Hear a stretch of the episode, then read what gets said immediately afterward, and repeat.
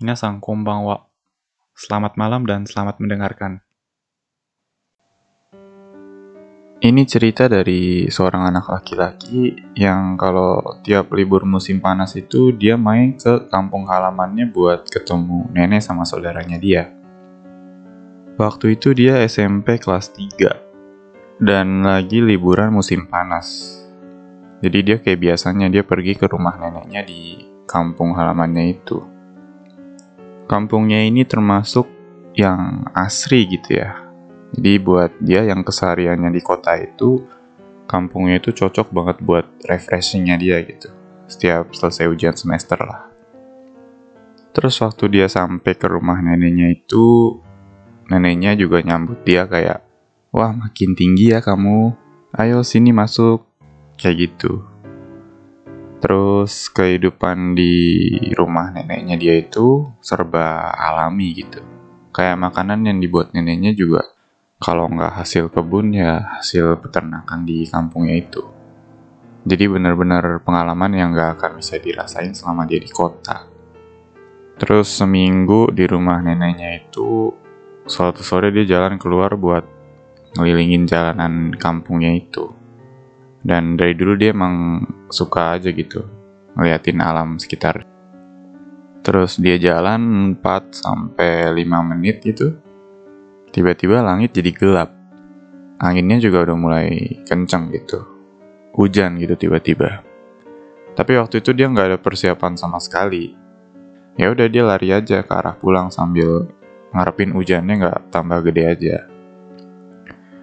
Tapi makin lama hujannya malah makin gede dan dia udah mulai basah. Terus lagi lari gitu ya di jalanan kampung itu Tiba-tiba dari jauh dia ngelihat ada dua orang. Ada bayangan dua orang di tengah ladang gitu. Jadi jalanan kampungnya itu, jalanan pulangnya itu harus ngelewatin ladang gitu ya. Tapi dia inget kalau waktu itu dia ngerasa ada yang nggak biasa gitu dari orang yang ada di ladang itu. Yang ada di sana itu dua orang, terus mereka jalannya berjejer gitu ya dengan penampilan yang hampir sama. Ya, biksu gitu ya, biksu Jepang itu yang yang bawa tongkat itu. Dan selama dia di kampung ini, dia belum pernah lihat orang yang penampilannya kayak gitu.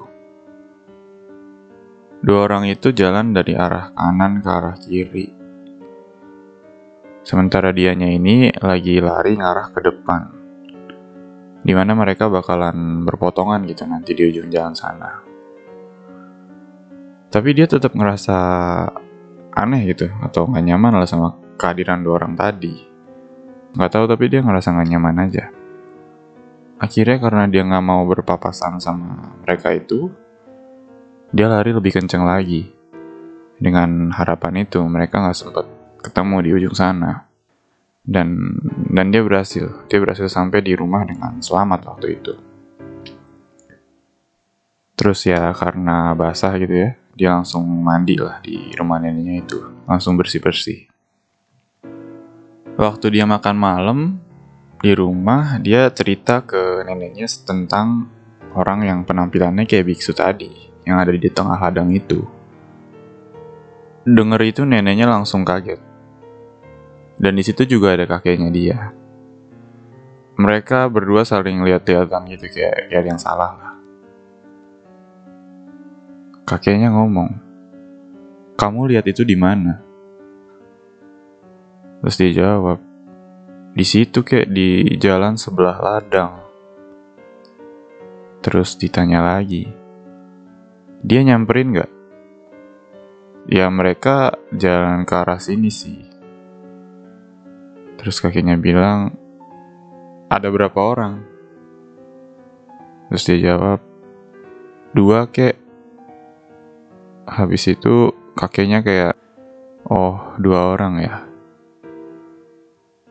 Terus suasana ruang jadi agak sepi gitu ya. Terus tiba-tiba neneknya ngomong eh ini enak nih. Ayo dimakan lah ini yang banyak. Gitu kayak nyairin suasana gitu terus anak ini kayak apaan sih gitu Tapi kakek neneknya kayak udah udah nggak apa-apa makan aja gitu. Besokan paginya waktu dia sarapan ada tetangganya yang datang ke rumah. Terus tetangganya itu ternyata ngabarin kalau ada yang meninggal di kampung mereka. Dia bawa kabar duka gitu ya. Terus si nenek ini kelihatan agak kaget. Karena yang meninggal itu kayaknya umurnya emang agak muda dan sebelumnya sehat-sehat aja gitu. Terus waktu tetangganya pulang habis ngabarin itu, neneknya kayak ngomong sesuatu gitu ke kakek. Terus si kakeknya itu nyamperin ke anak ini. Terus dia bilang, maaf ya, kayaknya sebentar lagi bakalan ada banyak yang harus diurus di desa ini. Kamu bisa pulang nggak sekarang ke orang tua kamu? Terus anak ini setengah kaget bilang, lah kek, tapi baru juga seminggu lebih. Tapi waktu dia bilang kayak gitu, ekspresi kakeknya dia kayak serius gitu. Kayak, kayak semalam waktu dia cerita tentang biksu itu. Terus kakeknya bilang, acara pemakaman di kampung tuh repot. Ini bakalan bikin kamu gak keurus di sini nantinya. Gitu kata kakeknya. Tapi dia udah rencana pengen tinggal di tempat neneknya itu seenggaknya dua minggu lagi. Jadi dia butuh penjelasan yang lebih masuk akal gitu. Terus kakeknya ngomong, maaf ya, tapi kamu harus pulang pokoknya. Tapi kamu harus pulang pokoknya. Terus sudah kakinya diem habis itu. Dia ngeliat ke arah neneknya juga kayak nenek kayak nggak bisa apa-apa gitu. Terus tiba-tiba ada tetangga lagi datang ke rumahnya. Anak si ini ini baru aja meninggal. Dia bilang kayak gitu sambil setengah ngos-ngosan gitu. Dengar itu nenek langsung bilang, Ayo kamu siap-siap pulang, kakek udah mau antar kamu kok sampai stasiun. Ya udah, akhirnya dia pulang dengan terpaksa waktu itu. Setengah hati gitu. Tapi kayak ngelihat keadaan kayak gitu, ya udah dia pulang aja. Dia pulang aja gitu tanpa penjelasan dari mereka berdua. Terus ya udah dia ngelanjutin liburannya itu di kota gitu. Habis itu begini begitu udah lima tahun lah seenggaknya setelah kejadian itu.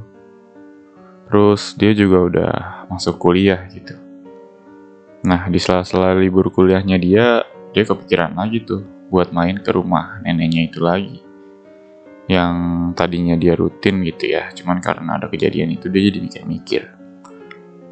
Ya udah akhirnya dia ke sana terus sampai di sana kayak disambut juga sama neneknya gitu. Kayak wah makin besar ya ayo masuk gitu. Terus ya udah dia liburan lagi di situ gitu. Nah pas lagi makan malam neneknya bilang kayak buka topik gitu. Waktu itu maaf ya tiba-tiba nyuruh pulang. Terus neneknya itu ngelanjutin. Yang kamu lihat waktu itu tuh bukan orang. Penduduk sini manggilnya Minobozu, yang di mana dia muncul kalau musim panas di kampung ini. Nah terus neneknya ngelanjutin lagi. Mereka bentuknya kayak orang berpenampilan biksu. Terus mereka datang dari luar kampung dan ngelewatin kampung ini buat ke tempat tujuan mereka selanjutnya kalau Minobozu ini muncul di kampung ini bakalan ada korban jiwa sebanyak yang mereka datangin itu. Terus si anak ini masih dengerin gitu ya sambil ngeraba-raba. Ini ke arah mana ceritanya gitu. Neneknya lanjutin. Masalahnya nggak cuman itu. Minobozu ini biasanya datang juga ke acara pemakaman korban yang mereka seret itu. Dan kalau di pemakaman itu ada yang ngeliat wujudnya mereka itu, dia bakal ikutan keseret juga sama mereka. Jadi kalau kamu waktu itu masih di sini, kemungkinan kamu ngeliat mereka lagi tinggi. Dan kamu bisa-bisa jadi keikut sama mereka. Nah terus yang dengerin cerita itu nggak cuma dia doang, ada bapaknya dia juga gitu. Terus bapaknya dia ngomong, wah aku juga dari dulu diceritain tuh tentang Minobozu ini. Tapi karena udah bertahun-tahun gak ada saksi mata, jadi kukira udah gak ada di kampung ini. Tapi gak nyangka juga ya kalau kamu jadi yang nemuin mereka lagi.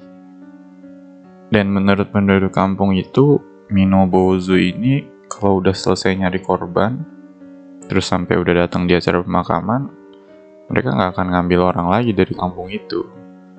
Jadi si anak ini harusnya udah nggak apa-apa gitu. Ya, cuman sejak itu dia jadi lebih hati-hati aja gitu kalau musim panas. Takut ada orang yang penampilan biksu itu jalan ngelewatin kampung mereka tadi.